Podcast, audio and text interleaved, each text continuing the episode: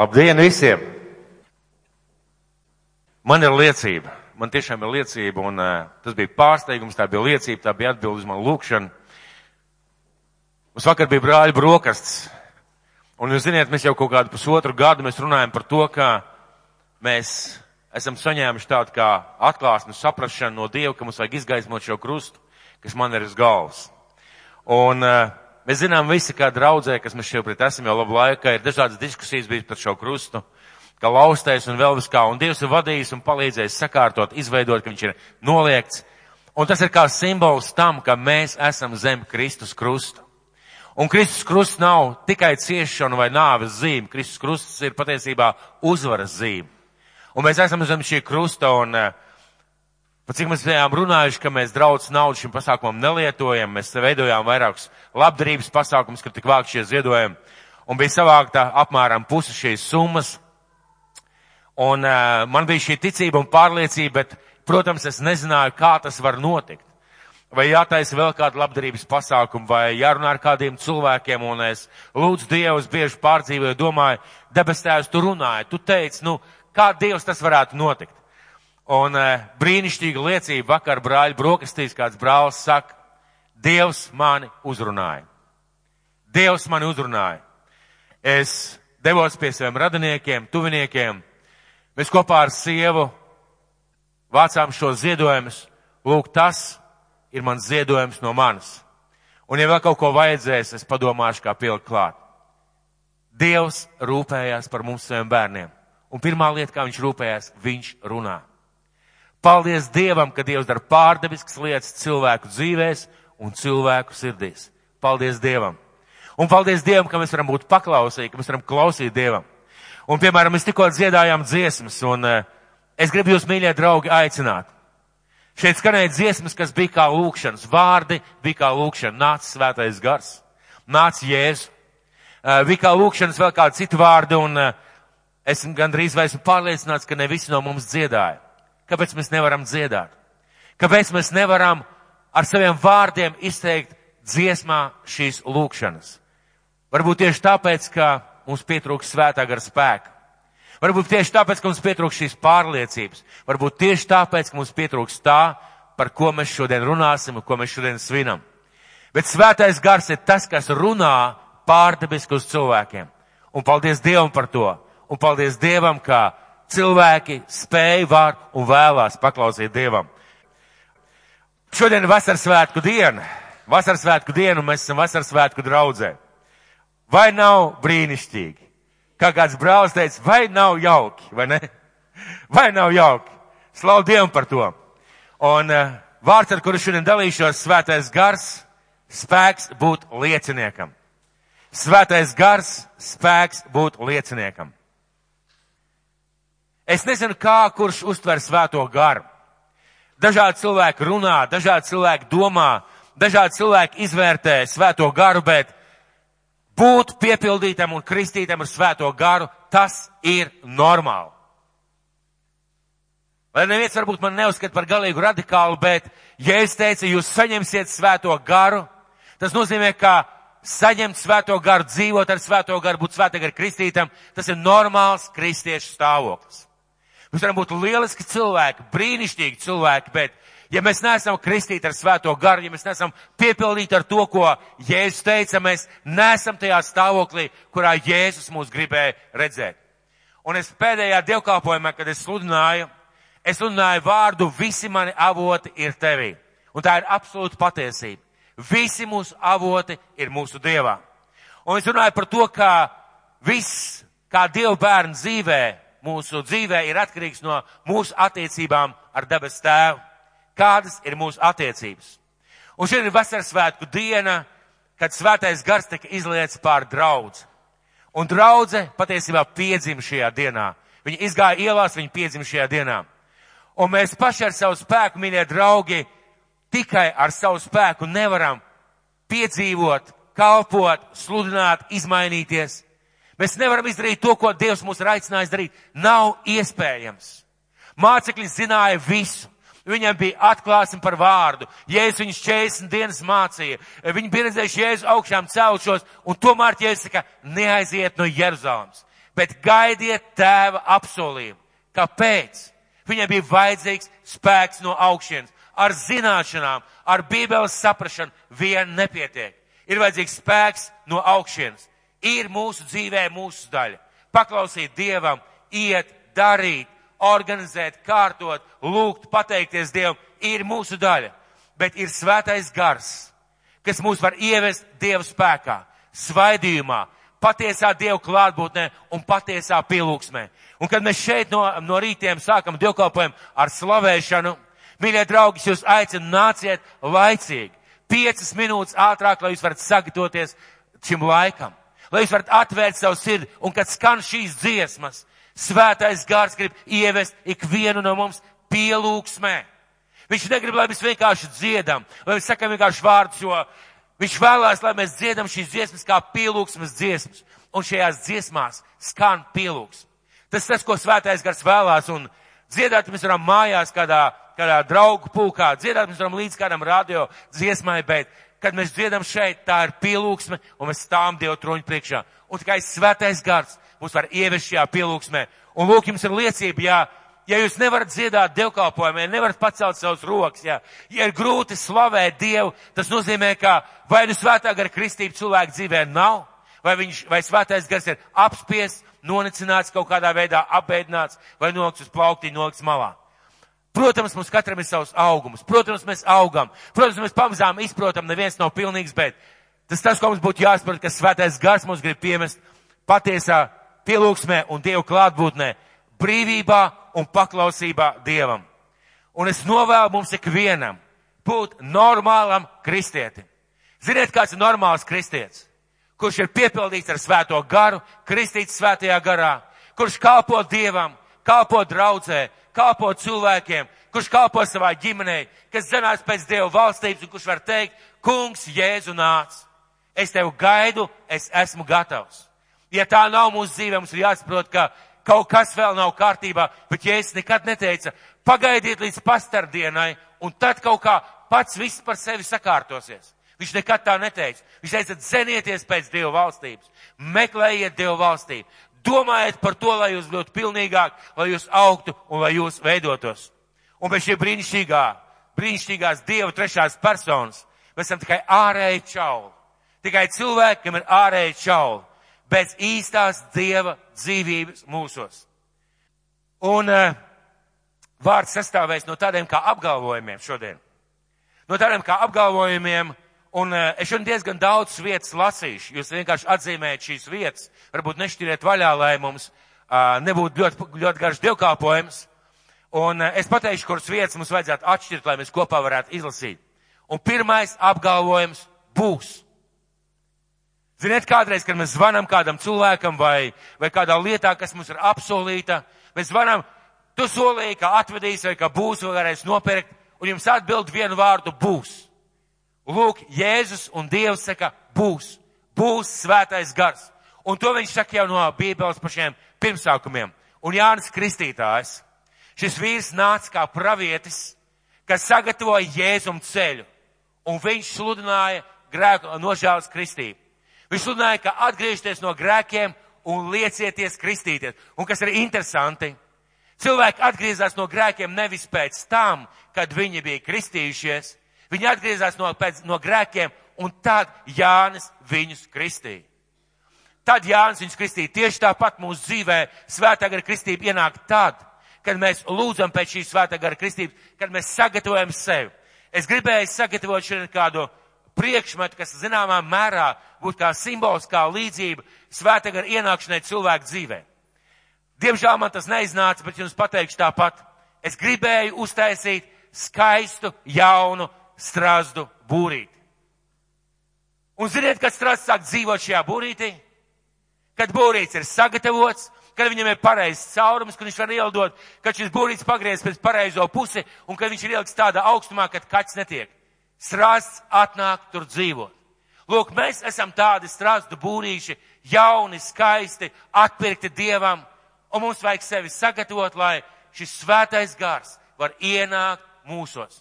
Jo svētais gars nevienā ar varu nelaužās.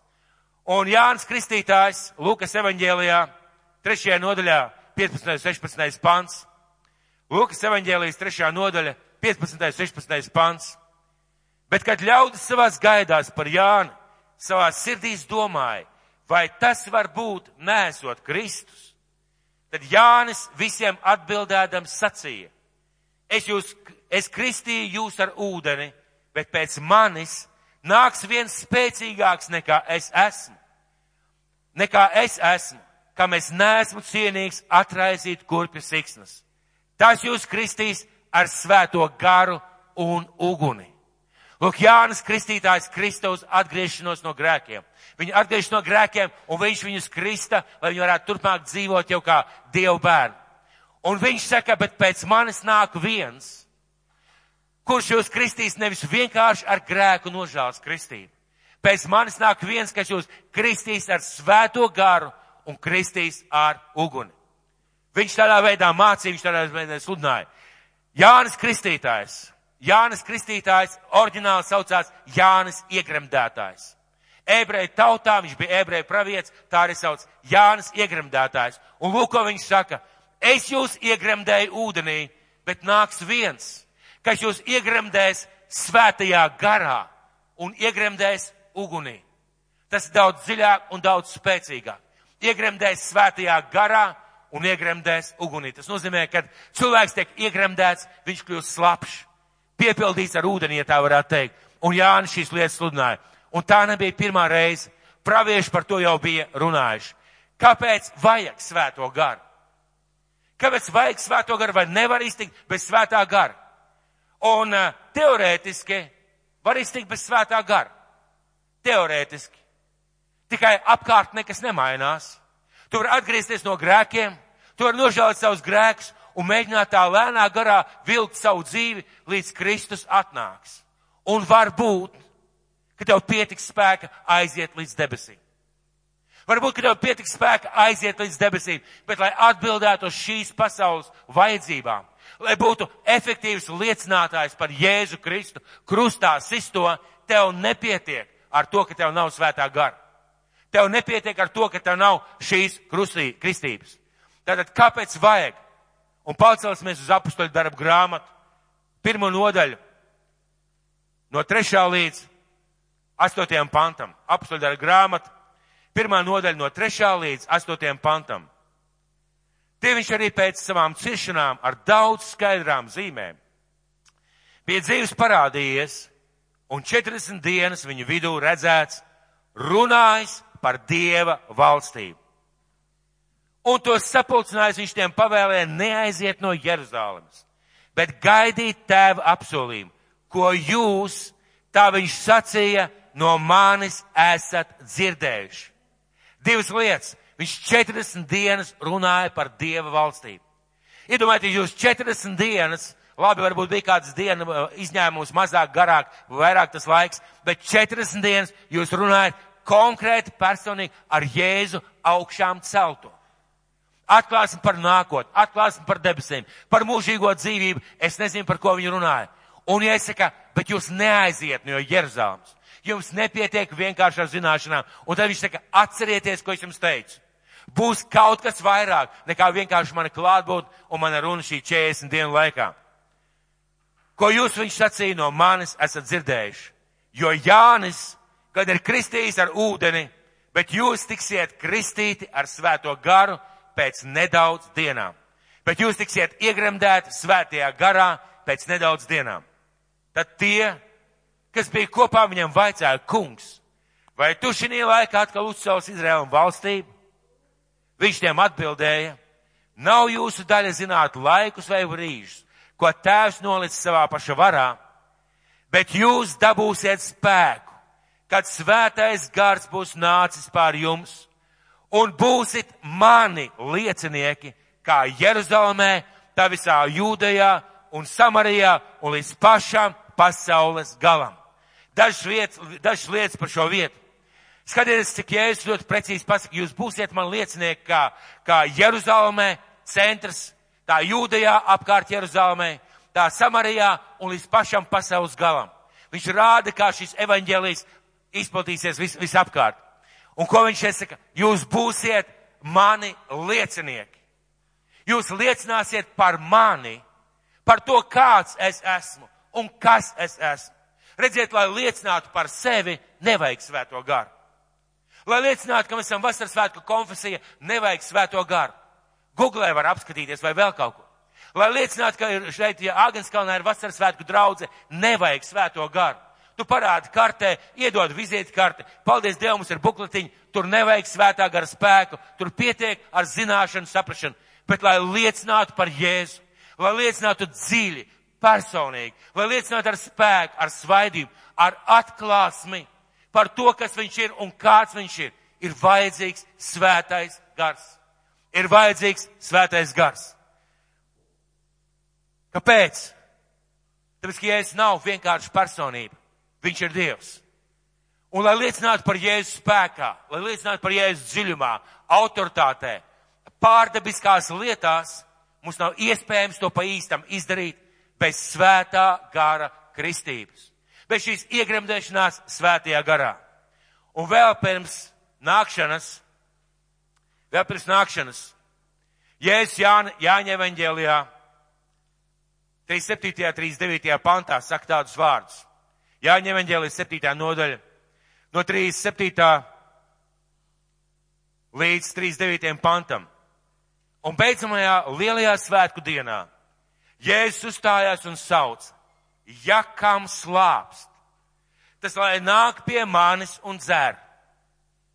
Kas man tic, kā rakstos sacīts, no viņa miesas plūdīs dzīvā ūdens straumes.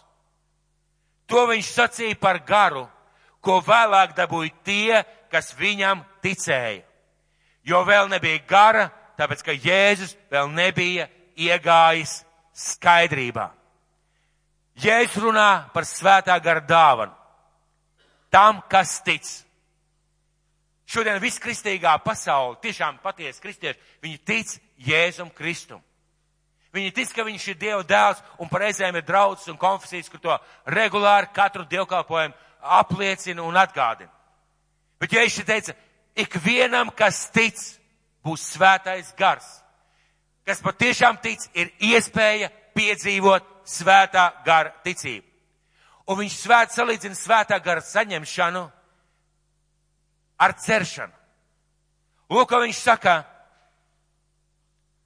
kam, kam slāpst, lai nāk pie manis un dzer. Viņš salīdzina iegremdēšanos svētajā garā ar dzeršanu, ar ūdens dzeršanu. Un ja šie vietā saka, ja kam slāpst, ja kam par maz, ja kam slāpst pēc dieva, lai nāk un dzer.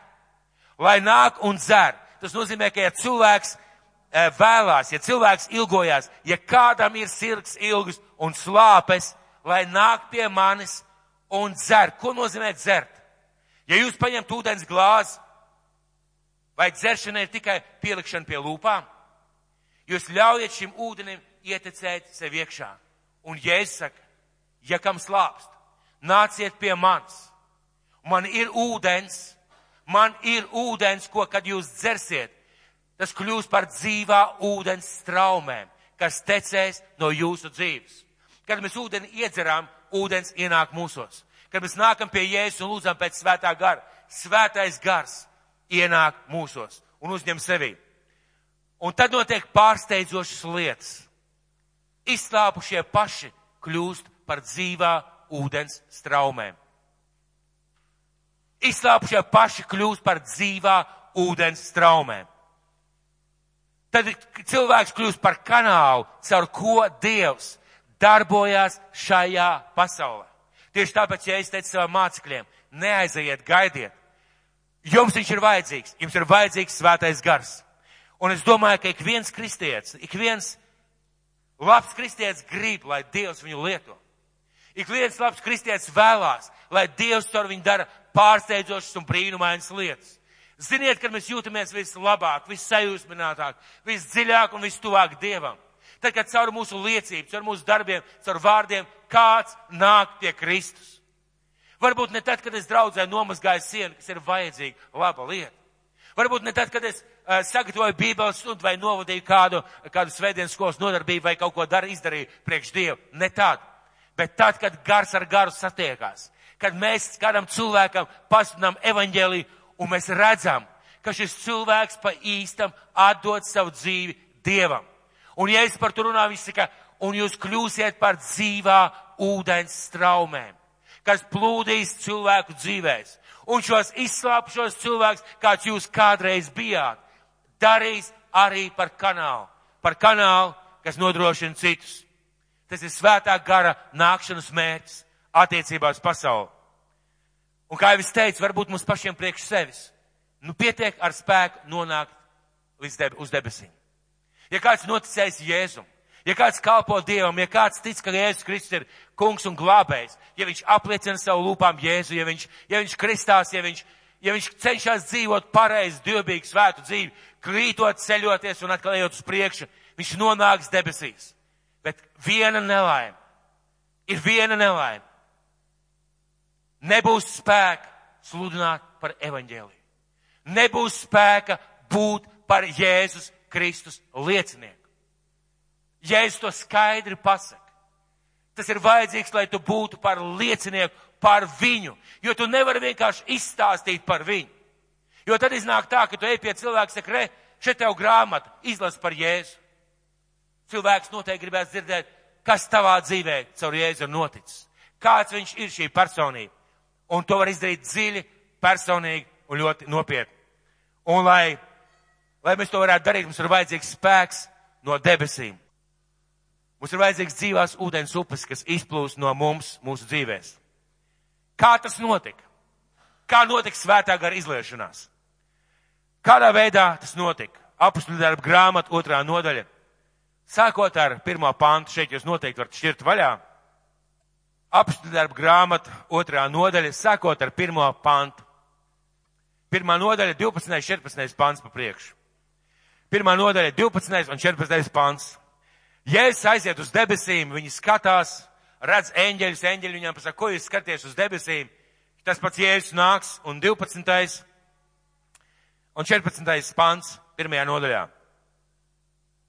Tad viņi griezās atpakaļ uz Jeruzālemi no kalna, ko sauc Eļas kalnu, kas ir tuvu pie Jeruzālemes vienu sabatu gājumu. Un tur nonākuši viņi uzkāpa augšstabā, kur mēs uzturēties Pēteris un Jānis, Jēkabs un Andrejs, Filips, Toms, Bartolomejs un Matejs, Jēkabs Alfē dēls, Zelots Sīmans un Jūda Jēkab dēls. Tie visi vienprātīgi palika kopā lūkšanās līdz ar sievietēm un Mariju, Jēzus māti un ar viņa brāļiem. Mēs šajā nedēļā bijām aicināti lūgt par svētā gara darbību un izliešanos mūsu dzīvē. Deviņos mēs bijām aicināti to veselu nedēļu darīt. Es ticu, ka mēs to darījām un ka mēs lūdzām pēc svētā gara izliešanās un spēka mūsu draudzē. Ko viņi darīja? Viņi vienkārši negaidīja, viņi lūdza, viņi bija izslāpuši, viņi meklēja un viņi gaidīja šo svētā gara izliešanos. Un tad, otrajā nodaļā, sākot ar pirmo pantu. Kad vasaras svētku diena bija atnākusi, visi bija sapulcējušies vienā vietā. Un piepeši no debesīm nāca rūkoņi, it kā stiprs vējš pūstu, un piepildīja visu namu, kur tie sēdēja. Un viņiem parādījās it kā uguns mēles, kas sadalījās un novēdās uz ikvienu no tiem un visi tika piepildīti ar svēto garu un sāka runāt citās mēlēs, kā gars tiem deva izrunāt. Dažas lietas par šo vietu. Šajā vietā svētie raksti mums atklāja un parāda, kā izlējās svētais gars. Un dažas lietas. Pirmām kārtām piepeši no debesīm. Bija skaidra liecība, ka no debesīm nāk rūkoņi. Nevis kaut kur no grīdas, no pagraba, no kaimiņu mājas, bet ka šī rūkoņa nāk no debesīm. It kā stiprs vējš pūst. Tas nozīmē, ka bija kaut kāda gaisa kustība šajā telpā. Viņi visu to sajūta, jo apustoli to ir pierakstījuši un piepildīja visu namu. Es šodien, šodien no rīta sēdēju un domāju, kāds ir piepildīt visu namu. Redziet, tad, kad vienā stūrī kāds kaut ko runā, jūs dzirdat no tā stūra. Kad tur kāds kaut ko runā, jūs dzirdat no tā stūra acīm redzot, šī skaņa, viņa vienkārši pārņēma šo telpu.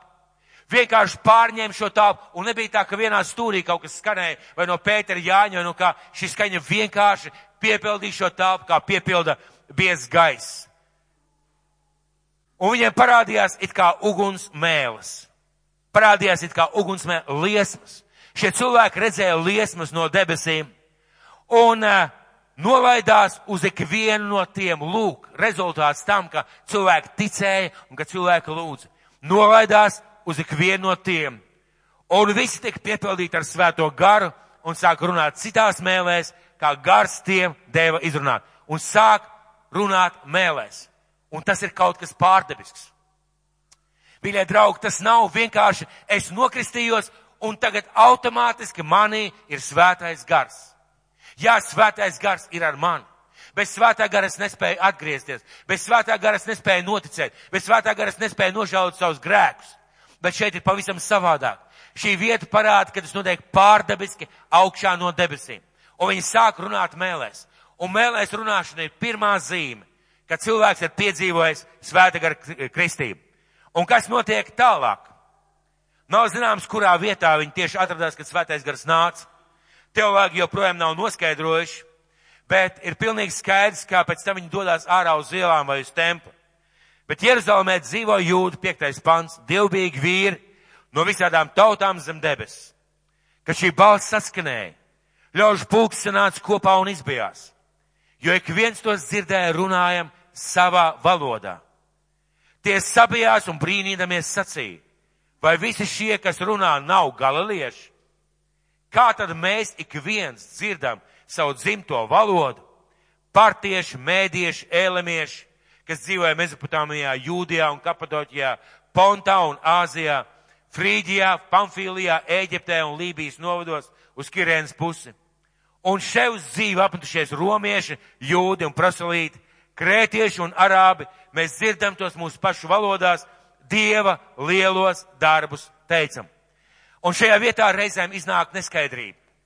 Šajā vietā reizēm iznāk neskaidrība. Un cilvēks saka, svētā gara kristība ir tāda, ka tur runā skaidri saprotamā kādas tautas valodā. Kāpēc šajā vietā Dievs izlēja svēto garu nevis ar pārdebisku valodu, ko neviens nesaprata, bet ar skaidri saprotamām valodām. Tur ir valodas, tur ir dialekti, tur ir eģiptiešu valoda, tur ir arābu valodas, dažādas valodas. Kāpēc tā notika? Bija vajadzīgs pārdabiskais un saprotamais. Bija vajadzīgs pārdabiskais, lai cilvēki, šie cilvēki var teikt, kā ir iespējams, ka kaut kādi galilieši runā arābu valodā, eģiptiešu valodā, dažādos dialektos. Kā tas ir iespējams? Mēs zinām, ka viņi ir galilieši. Kā viņi var runāt visās šajās valodās? Tas ir pārdabiski. Tajā pašā laikā viņi saka, mēs dzirdam, viņus lielos Dieva darbus teicam. Bija vajadzīgs pārdabiskais un bija vajadzīgs saprotamais. Tālāk mēs lasām apstoļu darbos un bībelē, kā turpmāk svētais gars, kad viņš nāca. Viņš nāca jaunā valodā, nesaprotamās mēlēs, kurām vajag izskaidrojumu, kurām, ja to dara draudzē publiski, vajag tulkotāju. Svētā gara mēlēs, kur svētais gars runā nezināmas, noslēpumainas lietas, šajā vietā šīs mēlis atskan skaidri saprotamās to tautu valodās, jo ir vajadzīgs pārdabiskais un ir vajadzīgs saprotamais un dabiskais. Kas notiek tālāk? Kas notiek tālāk? Tā ir pirmā svētā gara dāvana šī, šī mēlēs runāšana. Un eh, pāriesim pie 13. panta. Izbijuši, 12. Izbijušies un neziņā būdam tie cits citam jautāja, kas tas ir bet citi zobodamies sacīties salda vīna pilni. Bet Pēters nostājies ar tiem 11, iesāk runāt un tiem sacīja, jūs jūdi un visi, kas Jeruzalemē dzīvojat, lai tas jums ir zināms un iegaumējiet manus vārdus. Viņš saka, iegaumējiet manus vārdus. Šie nav piedzērušies, kā jums šķiet, jo ir tikai dienas trešā stunda. Bet te, viņš saka, te Te piepildās pravieša Joēļa vārdi. Tas notiks pēdējās dienās, saka Dievs. Es izliešu no sava gara pār visu miesu, un jūsu dēlu un jūsu meitas pravietos. Jūsu jaunekļi redzēs parādības, un jūsu sirmgalvie sapņos sapņus. Un arī par saviem kalpiem un savām kalponēm es tanīs dienās izliešu no sava gara, un tie sludinās praviešu mēlēm. Šajā vietā Pēters saka, šeit piepildās tas, ko jūs lasat Joēļa grāmatā. Šeit piepildās tas, ko pravietoja pravietojuši. Pravieši šeit tiek izliets, ir izliets svētais, šeit, svētais gars. Tas, ko viņi ir solījuši. Un tālāk mēs skat, lasi, nelasīsim pilnīgi visu. Pēters ir pilnīgi izmainījies. Viena no lietām, kad cilvēks piedzīvo svētā gara kristību, viņš iekšēji izmainās. Viņam neizaugs pārni. Viņš nekļūst par eņģeli. Viņam vēl ir jāmaina savu domāšanu, jāmaina savu ieradumu, jāmaina lietas, ko viņš zina, ko viņš nezina. Bet viena lieta izmainās. Izmainās dedzība par Dievu un izmainās drosme. Izmainās vēlēšanās sludināt evaņģēliju. Un lūk, ja kādam nav šīs drosmes, ja kādam nav šīs vēlēšanās stāstīt cilvēkiem par Dievu, varbūt tas tikai tāpēc, ka nav svētā gara kristības. Varbūt tikai tāpēc, ka svētais gars ir kaut kur nospiests, noniecināts vai atstāts novārtā. Jo šajā vietā Pēters ir pilnīgi izmainījies. Ja viņš pēc tam noliec Jēzu, tagad viņš publiski un atklāti, bez bailēm, sludina par Jēzu Kristu. Un viņš runā par to, ka viņi ir piestuši viņa krustā. Un viņš liecina par Jēzu, stāst par Dāvidu. Un sāksim, turpināsim no 32. panta. No 32. panta. Šo Jēzu Dievs ir uzmodinājis, tam mēs visi esam liecinieki. Dieva labās rokas paaugstināts no tēva, dabūjis svētā gar apsolījumu. Viņš izlējas to, ko jūs tagad redzat un dzirdat. Viņš saka, viņš izlējas to, ko jūs tagad redzat un tagad dzirdat. Jo Dāvids nav uzkāpis debesīs, bet viņš saka, tas kungs ir sēdī, sacījis manam kungam, sēdies man pa labo roku. Tiekams, es tavus ienaidnieks lieku par pameslu tavām kājām. Tad, lai viss Izraēla nams zina un nešaubās, ka Dievs viņu ir darījis par kungu un Kristu, šo pašu Jēzu, ko jūs esat situši krustā. Viņš drosmīgi un bez bailēm sludina par Jēzu Kristu. Tā ir viena no liecībām, ka svētais gars ir tevī viņš ir aktīvs un viņš darbojas, ja tu spēj, ja tu vēlies, ja tu gribi sludināt par Jēzus Kristu un tev ir drosme to darīt. Un ja mēs lasām šos vārdus, mēs varam ieraudzīt milzīgu svaidījumu. Mēs varam ieraudzīt drosmi, mēs varam ieraudzīt atklāsmi, ka viņš spēja paņemt eh, Bībeles stāstu, jeb to vēstu par Dāvidu un pacelt tādā līmenī salīdzināt, lai viņam būtu pilnīgi skaidrs to, ko viņš sludina. Un kāda pārliecība? Un kāds rezultāts? 37. pants, kāds rezultāts? Šie vārdi sāpīgi ķēra viņu sirdis. Un tie sacīja uz Pēteru un citiem apustuļiem. Brāļi, ko lai mēs darām? Mīļie draugi, mēs visi fanojam un esam priecīgi par brāli Fetleru, kas dzīvoja apmēram 60-70 gadus atpakaļ. Mēs visi priecājamies par viņu. Bet ziniet, ko par viņu saka vēsturnieki? Kad viņš sludināja Maskavā, viņš sludināja augstu stāvošu cilvēku namos. Un tur nāca pareizticīgie baķuškas, priesteri, eh, kritiķi, eh, nosodītāji, tiesneši. Bet kas notika pārdebiski šajos te dievkalpojumos, kur piepildījās 500, 300, 500 un vairāk cilvēku, kas notika šajos dievkalpojumos? Cilvēki nāca, lai nokritizētu, esot nākuši pat nesuši svētbildes, ja sātana atkāpies, rekuri svētbildi. Bet kad viņi dzirdēja Fetleru runājam, Petrus runāja tajā pašā garā, kurā runāja Pēters. Un dievkalpojuma beigās parasti notika tā, ka daudz no viņiem nožēloja savus grēkus. Vai tā bija zināšanas, vai tas bija gudrība, kaut gan Petrus bija mācījies augstās skolās. Tas bija svētā gara spēks.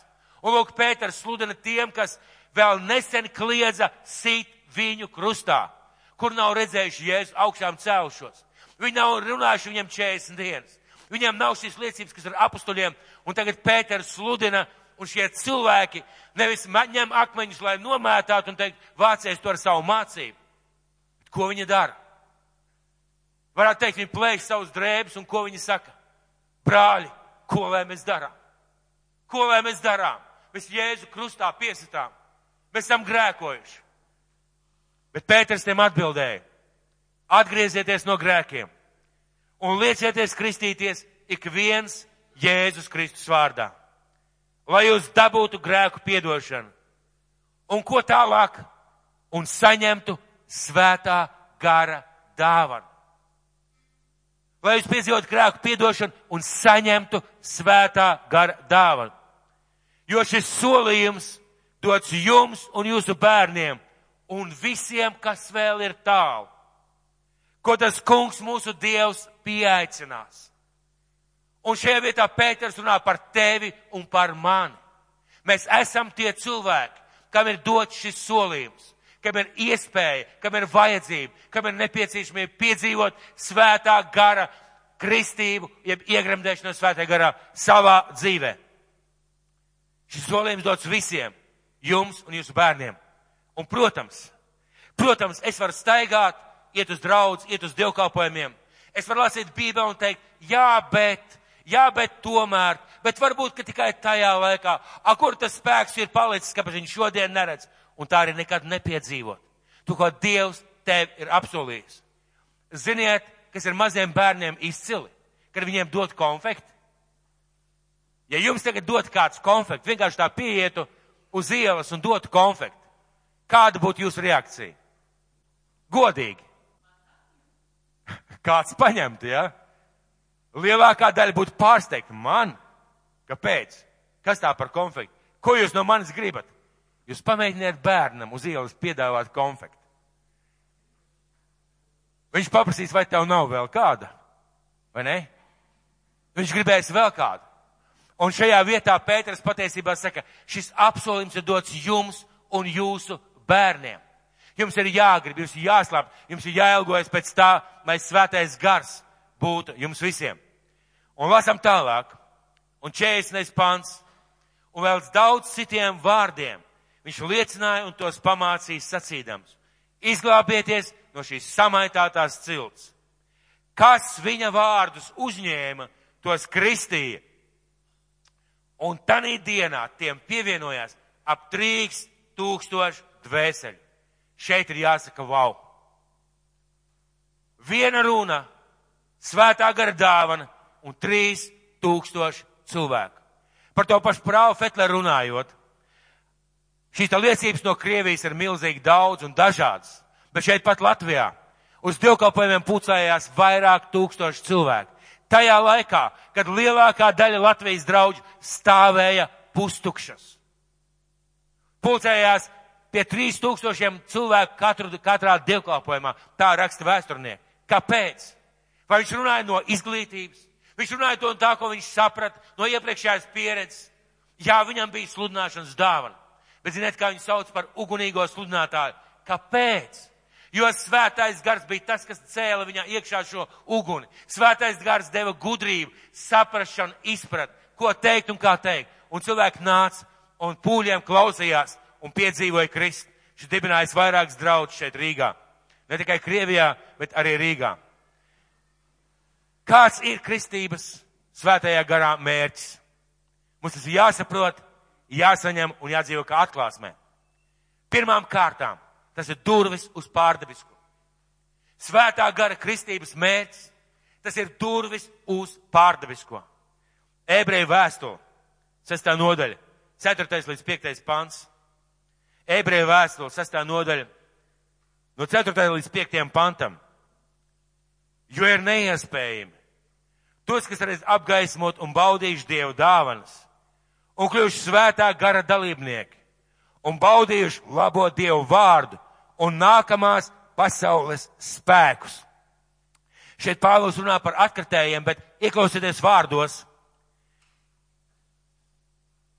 Un baudījuši Dievu dāvanas un kļuvuši svētā gara dalībnieki un baudījuši labo Dievu vārdu un nākamās pasaules spēkus. Kristība svētajā garā ir kā durvis uz pārdabisko pasauli.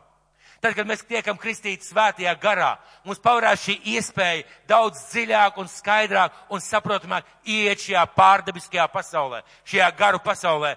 Mēs nonākam kontaktā ar tiem spēkiem, kas pieder nākamajiem laikiem.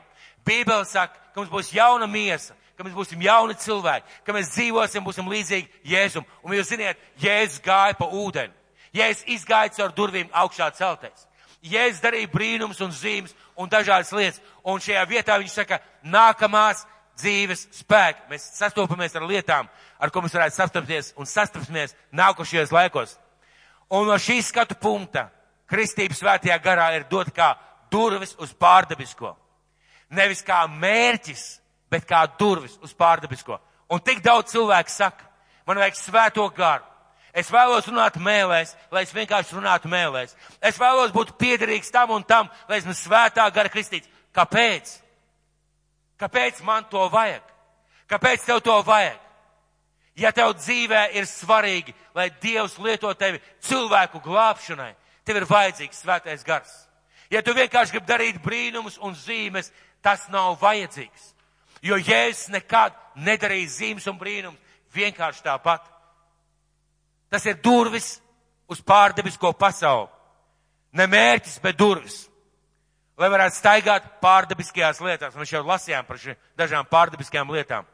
Lai kļūtu pārdabisko lietu dalībnieks un piedalītos tajās lietās, ko Dievs pārdabiski dara. Ja mēs no, svētiem, no svētiem rakstiem, no apustuļu darbu grāmatas, izņemt ārā visas tās vietas, kur cilvēki tika aizskarti pārdabiskā veidā, mūsu apstuļu darba grāmatā nebūtu nevienas personas, kas tika aizskarta. Nevienas personas, kas atgriezās. Ja mēs paņemtu ārā visas tās vietas, kas runā par pārdabisku dievu pieskārienu cilvēkiem. Ja mēs paņemtu no apstuļu darba grāmatas katru nodaļu ārā, kur minēts par pārdabiskiem brīnumiem, kas notika pirmajā draudzē, nebūtu nevienas no 28 nodaļām. Ziniet, kāpēc? Tāpēc, ka šī apstoļu darba grāmata ir aprakstīta pirmā draudz. Pirmā draudz, kurā notika šie zīmes un brīnumi, tāpēc, ka viņi bija kristīti svētajā garā. Tāpēc, ka viņi mācīja par kristību, tāpēc, ka viņi piedzīvoja kristību svētajā garā. Un grieķu valodā, kad runā par Pāvilu, piemēram, 19. nodaļā rakstīts tā, Dievs darīja neparastas lietas ar Pāvilu rokām. Un grieķu valodā šīs neparastās lietas ir minēts tādā izteiksmē, ka brīnumi, kas notika katru dienu. Brīnumi, kas notika katru dienu. Ko tas nozīmē? Tas nozīmē, ka šeit draudzē notika brīnumi katru dienu. Un uh, brīnumi tas bija zīmes, ko Dievs darīja toreiz, ko Dievam vajadzētu darīt šodien. Lai mēs varētu staigāt šajā pārdabiskā, pārdabiskajās lietās. Tātad, tātad, mīļie draugi, Svētā gars ir vajadzīgs, lai mēs iet šajā pārdabiskajā pasaulē. Un tā ir absolūta taisnība. Svētais gars mums atklāja nākamās lietas. Svētais gars dod pārdabisku drosmi. Svētais gars ļauj runāt pārdabiskā veidā. Svētais gars dod pārdabiskas dāvanas. Svētais gars izveido pārdabiskus augļus mūsu dzīvē. Otrā lieta, kāpēc ir vajadzīgs svētais gars liecībai. Cilvēkiem vajag liecību par Jēzu lai būtu pārdabisks spēks liecināt par Jēzu krustā sisto. Un lai šī liecība nebūtu man viens teica un man viens stāstīja. Un tagad es kā, kā vienkārši ruports atstāstu tev. Jāņem evaņģēlijas 16. nodaļa. Jāņem evaņģēlijas 16. nodaļa, 7. 14. pants. Tomēr es jums saku patiesību. Tas jums ir par labu, ka es aizēju. Jo, ja es neaizietu, aizstāvs nenāk pie jums, bet aizgājis, es to sūtīšu pie jums. Un viņš nāks un liks pasaulē izprast grēku, taisnību un tiesu. Grēku, jo to netic man. Taisnību, jo es aizēju pie tēva un jūs man vairs neredzēsiet. Tiesu, jo šīs pasaules valdnieks ir dabūjis savu spriedumu. Vēl daudz, kas man jums sakāms, bet to jūs tagad vēl nespējat nest bet kad nāks viņš, patiesības gars, tas jūs vadīs visā patiesībā, jo viņš nerunās no sevis paša, bet runās to, ko dzirdēs un darīs jums zināmas nākamās lietas. Tas mani cels godā, jo viņš ņems no tā, kas ir mans, un jums to darīs zinām. Mums ir vajadzīgs cilvēkiem izstāstīt vairāk, vairāk vienkārši kā Bībelē rakstīts. Mums ir vajadzīgs, lai svētais gars mums runājot, cilvēkiem atklāja, ka viņš ir grēcinieks. Tu nevari pieiet pie cilvēka. Reizēm tāds teiciens man viņš personīgi ļoti nepatīk. Es domāju, ka tas nav pareizs teiciens. Sist cilvēks ar bībeli pa galvu. Tie, kā, tie tādi skeptiķi, kas tā runā. Bet mēs varam zināmā mērā tā rīkoties. Ja tu neatgriezīsies pie Jēzus, tu aizies uz eļu, jo tu esi grēcinieks. Kāds es tev grēcinieks? Neizdzēru, neizsmēķēju, neizpīpēju, nepārkāju laulību. Redz, cik es labs cilvēks. Par kādiem grēkiem tu runā? Bet mums ir vajadzīgs. Mums ir vajadzīgs, lai svētais gars mūs lieto kā liecinieks. Lai mēs par Jēzu varam pastāstīt tādās lietās, ar tādu izteiksmi, ar tādu spēku un ieprie, iekšēju starojumu. Lai cilvēkiem, lai cilvēkiem šī liecība par Jēzu runātu, ka viņi ir grēcinieki. Runāt par nākamo tiesu, runāt par to, ka ir glābšanas un pestīšanas ceļš. Tad svētais gars mums ir vajadzīgs liecībai. Kā ja es teicu, jūs būsiet mani liecinieki. Lūkšanai. Vai nevar lūgt bez svētā gara? Var. Tev ir galva, tev ir saprašana, tev ir vajadzīgi. Tu vienkārši vari lūgt Dievu un lūgt Dievu bez svētā gara. Bet kā, kā ir tajās situācijās? Tajās reizēs, kad tu nezini, ko lūgt. Tajās reizēs, kad tu lūdz Dievu un tu saproti, ir kaut kāds tukšums, klusums un tu īsti nesaproti, ko tev vajadzētu lūgt. Ka tev īsti pat nav saprašanas par lietām, kuras stāv tev nākotnē un tu pat nespēji par tām lūgt. Lūkšanai, svētais gars vajadzīgs lūkšanai, romiešiem 8, 26 un 27. Vēstule romiešiem 8. nodaļa 26. 27. pants. Bez tam arī gars nāk palīgā mūsu nespēkam jo mēs nezinām, ko mums būs lūgt un kā, bet pats gars aizlūdz par mums ar bezvārdu nopūtām. Bet tas, kas izpētīs sirdis, saprot, ko gars grib, ja tas ar dievišķiem vārdiem nāk palīgā svētajiem. Šajā vietā Bībele saka tā, ja jūs nezināt, ko lūgt, ja jūs pat nenojaušat, par ko vajadzētu lūgt, svētais gars, kas ir jūsos iekšā, kad jūs lūdzat mēlēs, lūdz par jums. Jūs nav pat nojausmas, par ko jālūdz, bet svētais gars zina, kas stāv priekšā. Svētais gars zina, kas ir jūsos iekšā. Svētais gars zina, kāda jums ir vajadzība. Un svētais gars jūsos iekšā, kad jūs lūdzat ar mēlēm, lūdz par jums, par cilvēkiem, par vajadzībām. Dziļai, produktīvai un pārdabiskai, precīzai lūkšanai ir vajadzīgs svētais gars. Manā dzīvē bija kāda avārija, kas daudz gadus atpakaļ, kas iznīcināja manu pirmo mašīnu, ja tā varētu teikt. Un ļoti interesanta liecība. Es braucu pie viena cilvēka, man vajadzēja dažas lietas nokārtot. Es braucu pie viņa, viņš bija automehāniķis. Viņš strādāja savā darbnīcā, un es piedzīvoju, ka uz līdzenes šoseis braucot, man vienkārši viens uzbrauc virsū, iebrauc manā joslā un purns purnā. Tā bija Dieva žēlstība, ka es paliku dzīves. Un bija interesanti, es zvanīju pēc tam tam cilvēkam, zini, es nevaru pie tevis aizbraukt, man ir avārija, tur man vajag ātro palīdzību. Man viss bija kārtībā, paldies Dievam, viss bija ļoti normāli. Un ziniet, ko viņš saka? Viņš atbrauc, viņš saka, zini, tagad es saprotu, kāpēc visu dienu, tas bija kaut kad pēcpazienā ap četriem, pieciem, kāpēc visu dienu man nepārtraukti bija jālūdz mēlēs. Viņš es darbnīcā strādāju un nesaprotu, kas tas ir. Man visu dienu ir jālūdz mēlēs. Es strādāju, remontēju mašīnu un lūdzu mēlēs, lūdzu mēlēs, lūdzu mēlēs. Viņš lūdza par mani. Viņš lūdza par mani, viņš nezināja, kas gaida. Mēs bijām sarunājuši tikšanos, viņš lūdza par mani. Un svētais gars zina lietas. Un svētais gars lūdz mūsos, ja mums ir šī svētā gara kristība. Mācībai. Mācībai. Svētais gars mums vajadzīgs, lai mācītu cilvēkiem. Var vienkārši ir rakstīts, šeit Bībelē ir uzrakstīts tā un tā.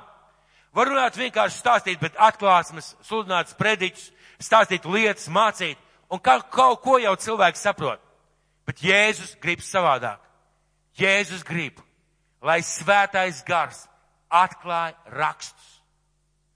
Jēzus grib, svētais gars var mums atklāt rakstus daudz dziļāk nekā vienkārši kur ir lielais brīnums, lielais pārsteigums un lielā, lielais, lielais tāds pārsteigums, tā varētu teikt. Ir daudz cilvēku pasaulē, kas nav gājuši augstās teoloģiskās skolās.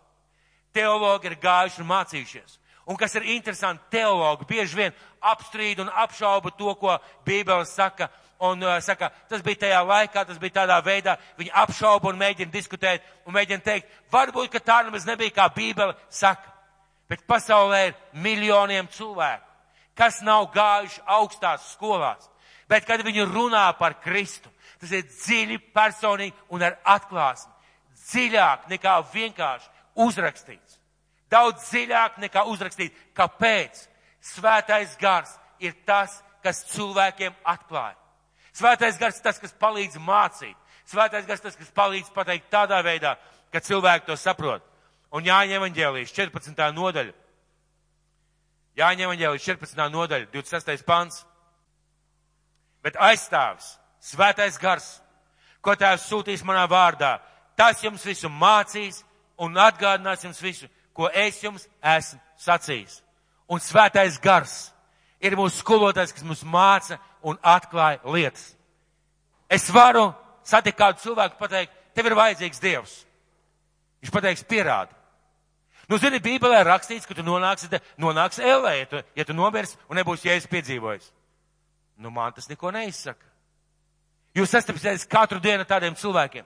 Bet, ja jūs esat kristīti svētajā garā, ja svētais gars nav nospiests, ja svētais gars nav vienkārši iedzīts mūsu dzīvē, pagrīdē un apēdināts, Mēs pieiesim pie tā cilvēka, ar kuru mums ir pa īstam jārunā.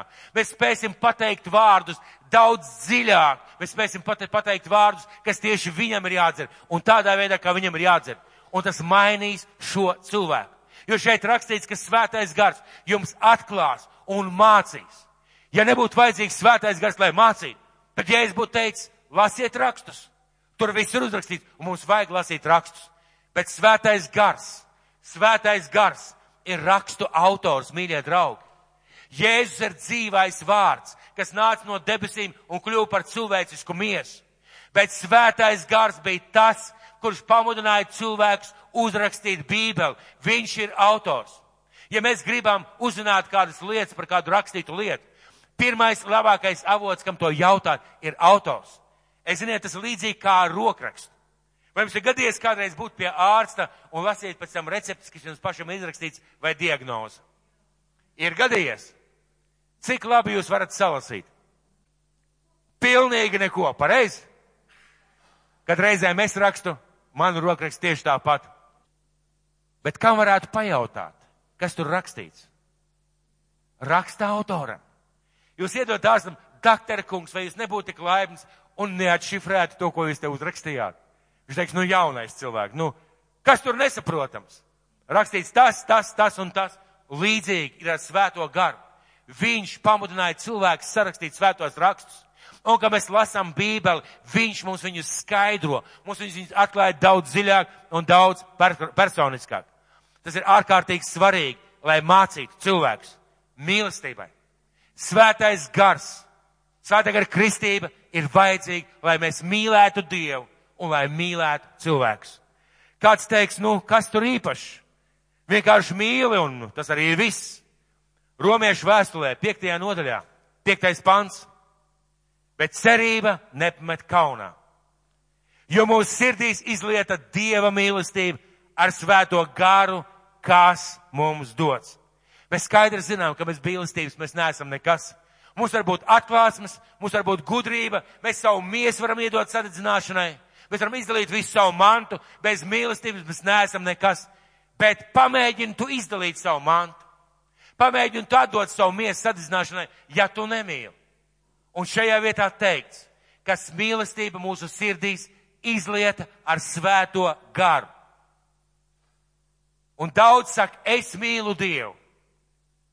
Bet cilvēki man nav vajadzīgi, draudz man nav vajadzīgi. Tas nav svētajā garā. Jo mīlestība vienmēr ir dodoša. Mīlestība vienmēr ir tā, kas nāk un kaut ko dara citu cilvēku dzīvēs. Ko tas nozīmē? Tas nozīmē, ka, lai mēs pa īstam spētu mīlēt, mums ir vajadzīgs svētais gars. Mums ir vajadzīga svētā gara kristība. Vadībai. Vadībai, lai mūsu dzīvē būtu patiesa pārdabiska vadība, ir ir vajadzīgs svētā gara kristība. Kad mēs saņemam svētā garu, mēs piedzīvojam, ka svētais gars sāk mūs vadīt. Viņš sāk atklāt lietas, atklāt lietas, ko mēs nebūtu zinājuši vai nebūtu sapratuši. Viņš ļauj mums ieraudzīt lietas, kas nākotnē notiks, ka mēs nebūtu bijuši gatavi, bet svētais gars to atklāja. Kad mēs lasām apstoļu darbu grāmatā, par fantastisku vadību Filipa dzīvē, kur svētais gars saka, Filip, ej uz ceļu, pa kuru daudzi nestaigā. Un tur tu satiksi kādu cilvēku, tev būs viņam jāliecina. Tā ir pārdabiska vadība. Tik daudz cilvēku ir liecinājuši, es darīju to un to, vai gāju tur un tur, un es pēkšņi sajūtu, nē, vai ej, vai pieeja, vai izdara to un to un to un to. Es to esmu personīgi piedzīvojuši. Daudzi ir liecinājuši. Kas tas ir? Svētais gars. Tas jau pārdevisko vadību. Svētais gars ir vajadzīgs vienotībai.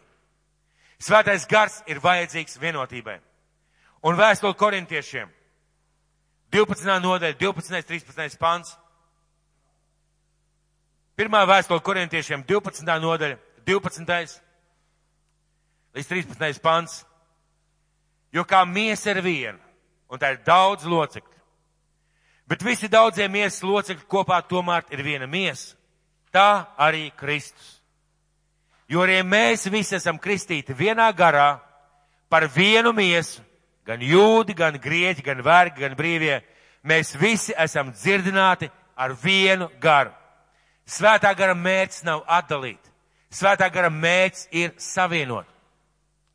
Un ja kāds saka, man nevajag draudz, man nevajag cilvēkus, es viens pats jūtos labāk, tas ir absolūti pret svētā gara mērķi un uzdevumu. Svētā gara mērķis ir vienot. Reizēm cilvēks saka tā, kad beidzot piepildīsies tie vārdi, ko Jēzus lūdz, lai viss ir viens, kā tēvs, mēs un te, tu, es un tu esam viens. Viņi bija vienoti caur svēto garu. Un Dievs man deva tādu domu pateikt šodien, ļoti iespējams, ka tas nenotiks tād, kad būs tikai vajāšanas vai problēmas kristiešu dzīvē. Ļoti iespējams tad, kad svētais gars piepildīs tik daudz cilvēkus, tik daudz konfesijas, tik daudz kalpotājus un vienkārši draudz locekļus, kad cilvēki kļūst vienoti Lūk, un svētais gars ir vienības nesējs. Svētais gars ir vienotājs. Bez svētā gara mēs nevaram būt vienot. Pirmajā draudzē, mīļie draugi. Šodien mēs šeit sēžam visi apmēram Baltās nācijas cilvēki, nav rasu, nav klanu. Bet padomājiet, pirmajā draudzē. Verdzība vēl nevienā zemē nav atcelta. 2000 gadus atpakaļ. Verdzība nevienā vietā nav atcelta nav uh, sociālo dienas, kas rūpējas par nabadzīgiem cilvēkiem.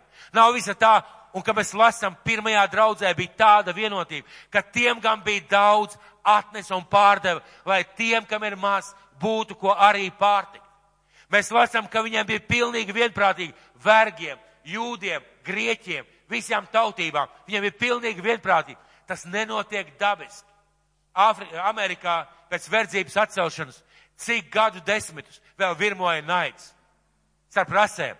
Šodien Amerikā bieži vien notiek tieši tas pats. Jūs ziniet, melno cilvēku sacelšanās, vēl kaut kādas nianses, vēl kaut kādas rasismu izpausmes.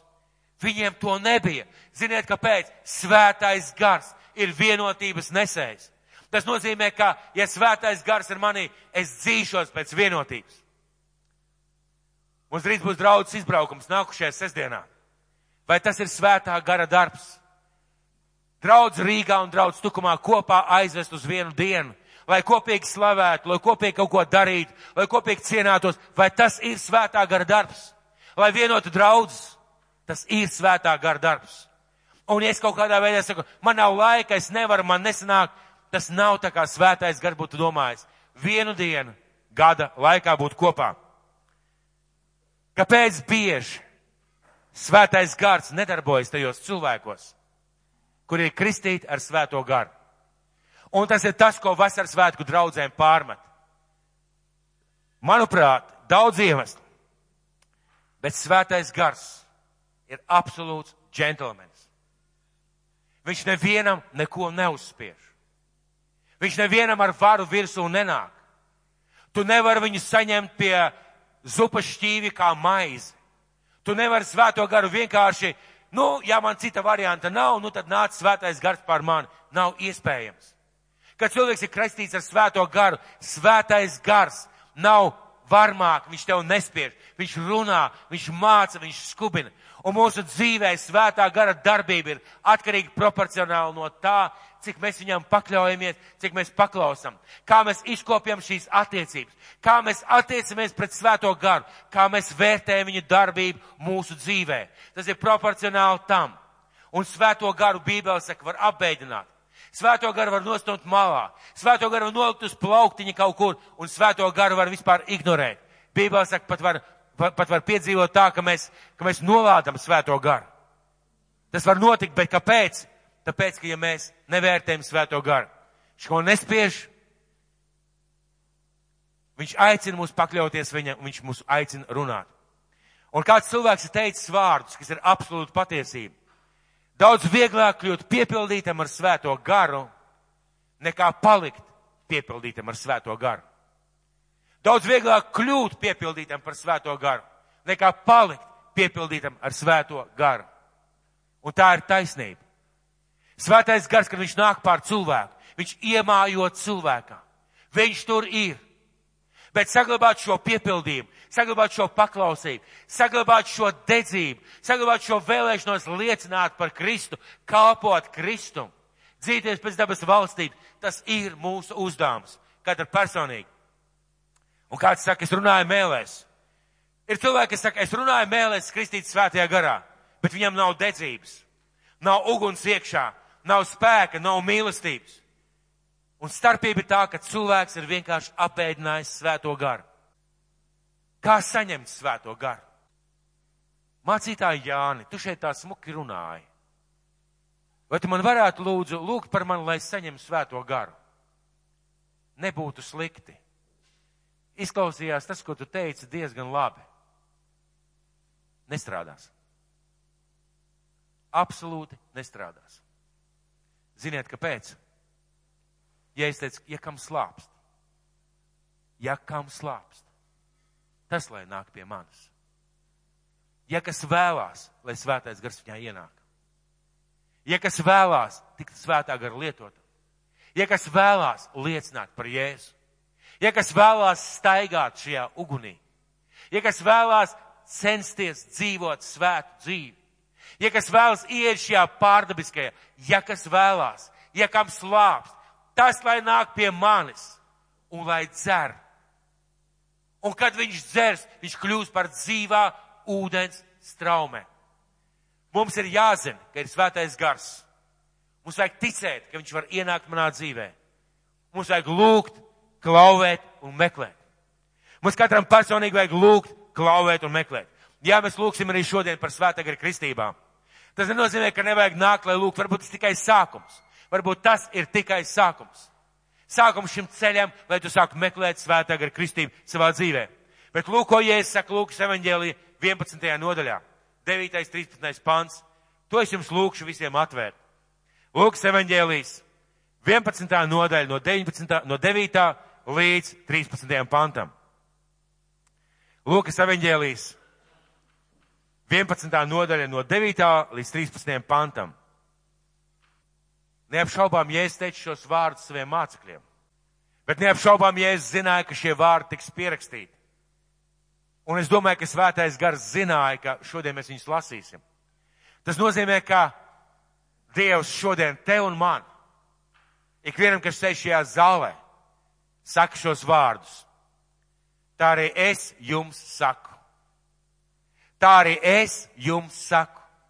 Un svētais gars tev rakstiem šodien saka tev un man. Tā arī es jums saku. Lūdziet, tad jums taps dots. Meklējiet, tad jūs atradīsiet. Klauvējiet, tad jums taps atvērts. Jo ir katrs, kas lūdz dabū, kas meklē atrod un kas klauvē, tam atvērs. Kur būtu kāds tēvs jūs starpā, kas savam dēlam čū, dotu čūsku, ka tas lūdz tam zivi, jeb skorpiju, ka tas lūdz olu. Ja nu jūs ļauni būdami zināt, dot saviem bērniem labas dāvanas, cik daudz vairāk jūs tēvs no debesīm dos svēto garu tiem, kas viņu lūdz.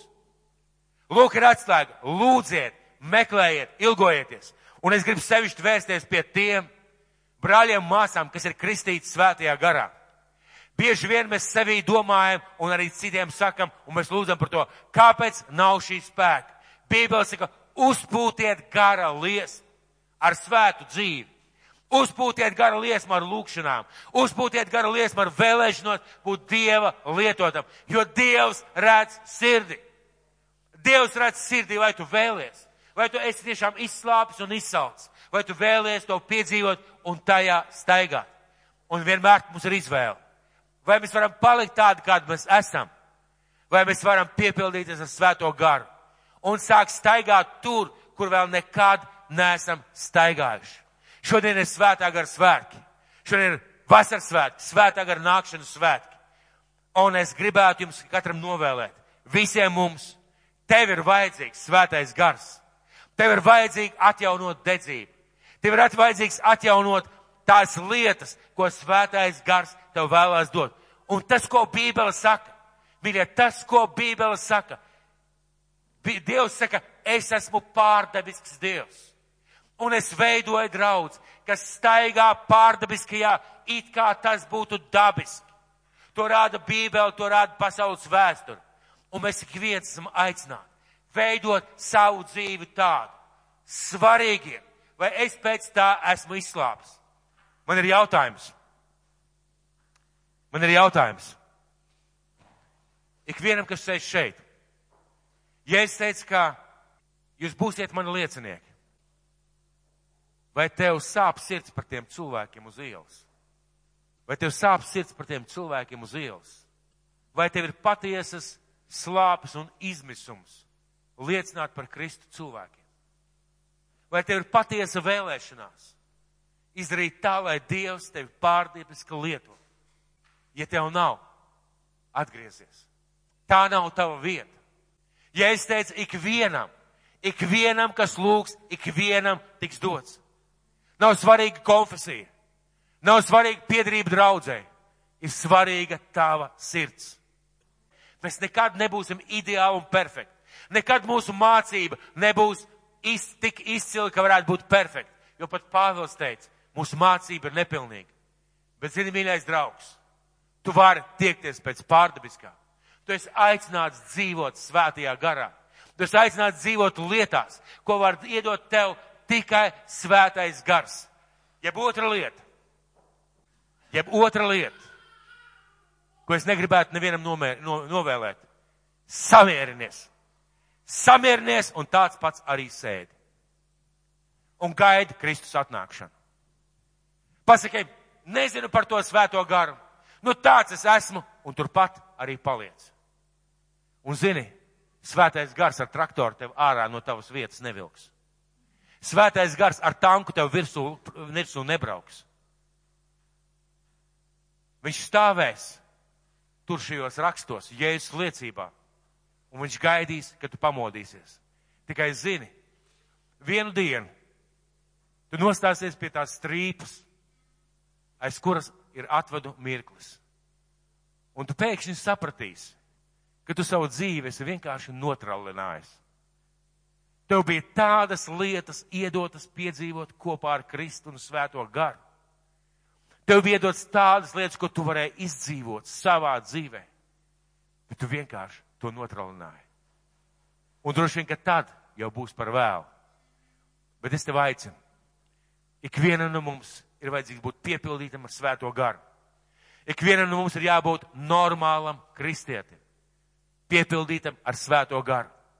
Lai ar savu dāvanu, ko svētais gars dod, lai ar savu talantu, lai ar saviem vārdiem, lai ar savu rīcību, lai ar saviem līdzekļiem, lai ar savām spējām nestu liecību par Jēzu Kristu krustā sisto. Tas ir mūsu aicinājums. Ja es nekad neveidoju draudz kā baznīcā gājējs. Jēzus teica, tā būs mana draudze, ko elles vārtiem nebūs uzvarēt. Tāpēc, mīļie draugi, mums vajag svēto garu. Daudz vairāk nekā viņš mums ir šodien daudz dziļāk, daudz spēcīgāk. Un Bībele saka, ik viens, kas ir izslāpis, var iet pie viņa. Ik viens, kas ir noilgojies, var iet pie viņa. Un tas nenotiek momentāli, bet ja tevi ir šīs slāpes, vienu dienu tu piedzīvos, ka svētais gars tevi pārņems un sāks vadīt. Vienu dienu tu piedzīvos, ka svētais gars atdzīvosies tevī, pat ja viņš ir gulējis tur simts gadus un tava dzīve mainīsies. Lai Dievs mūs uz to svētītu.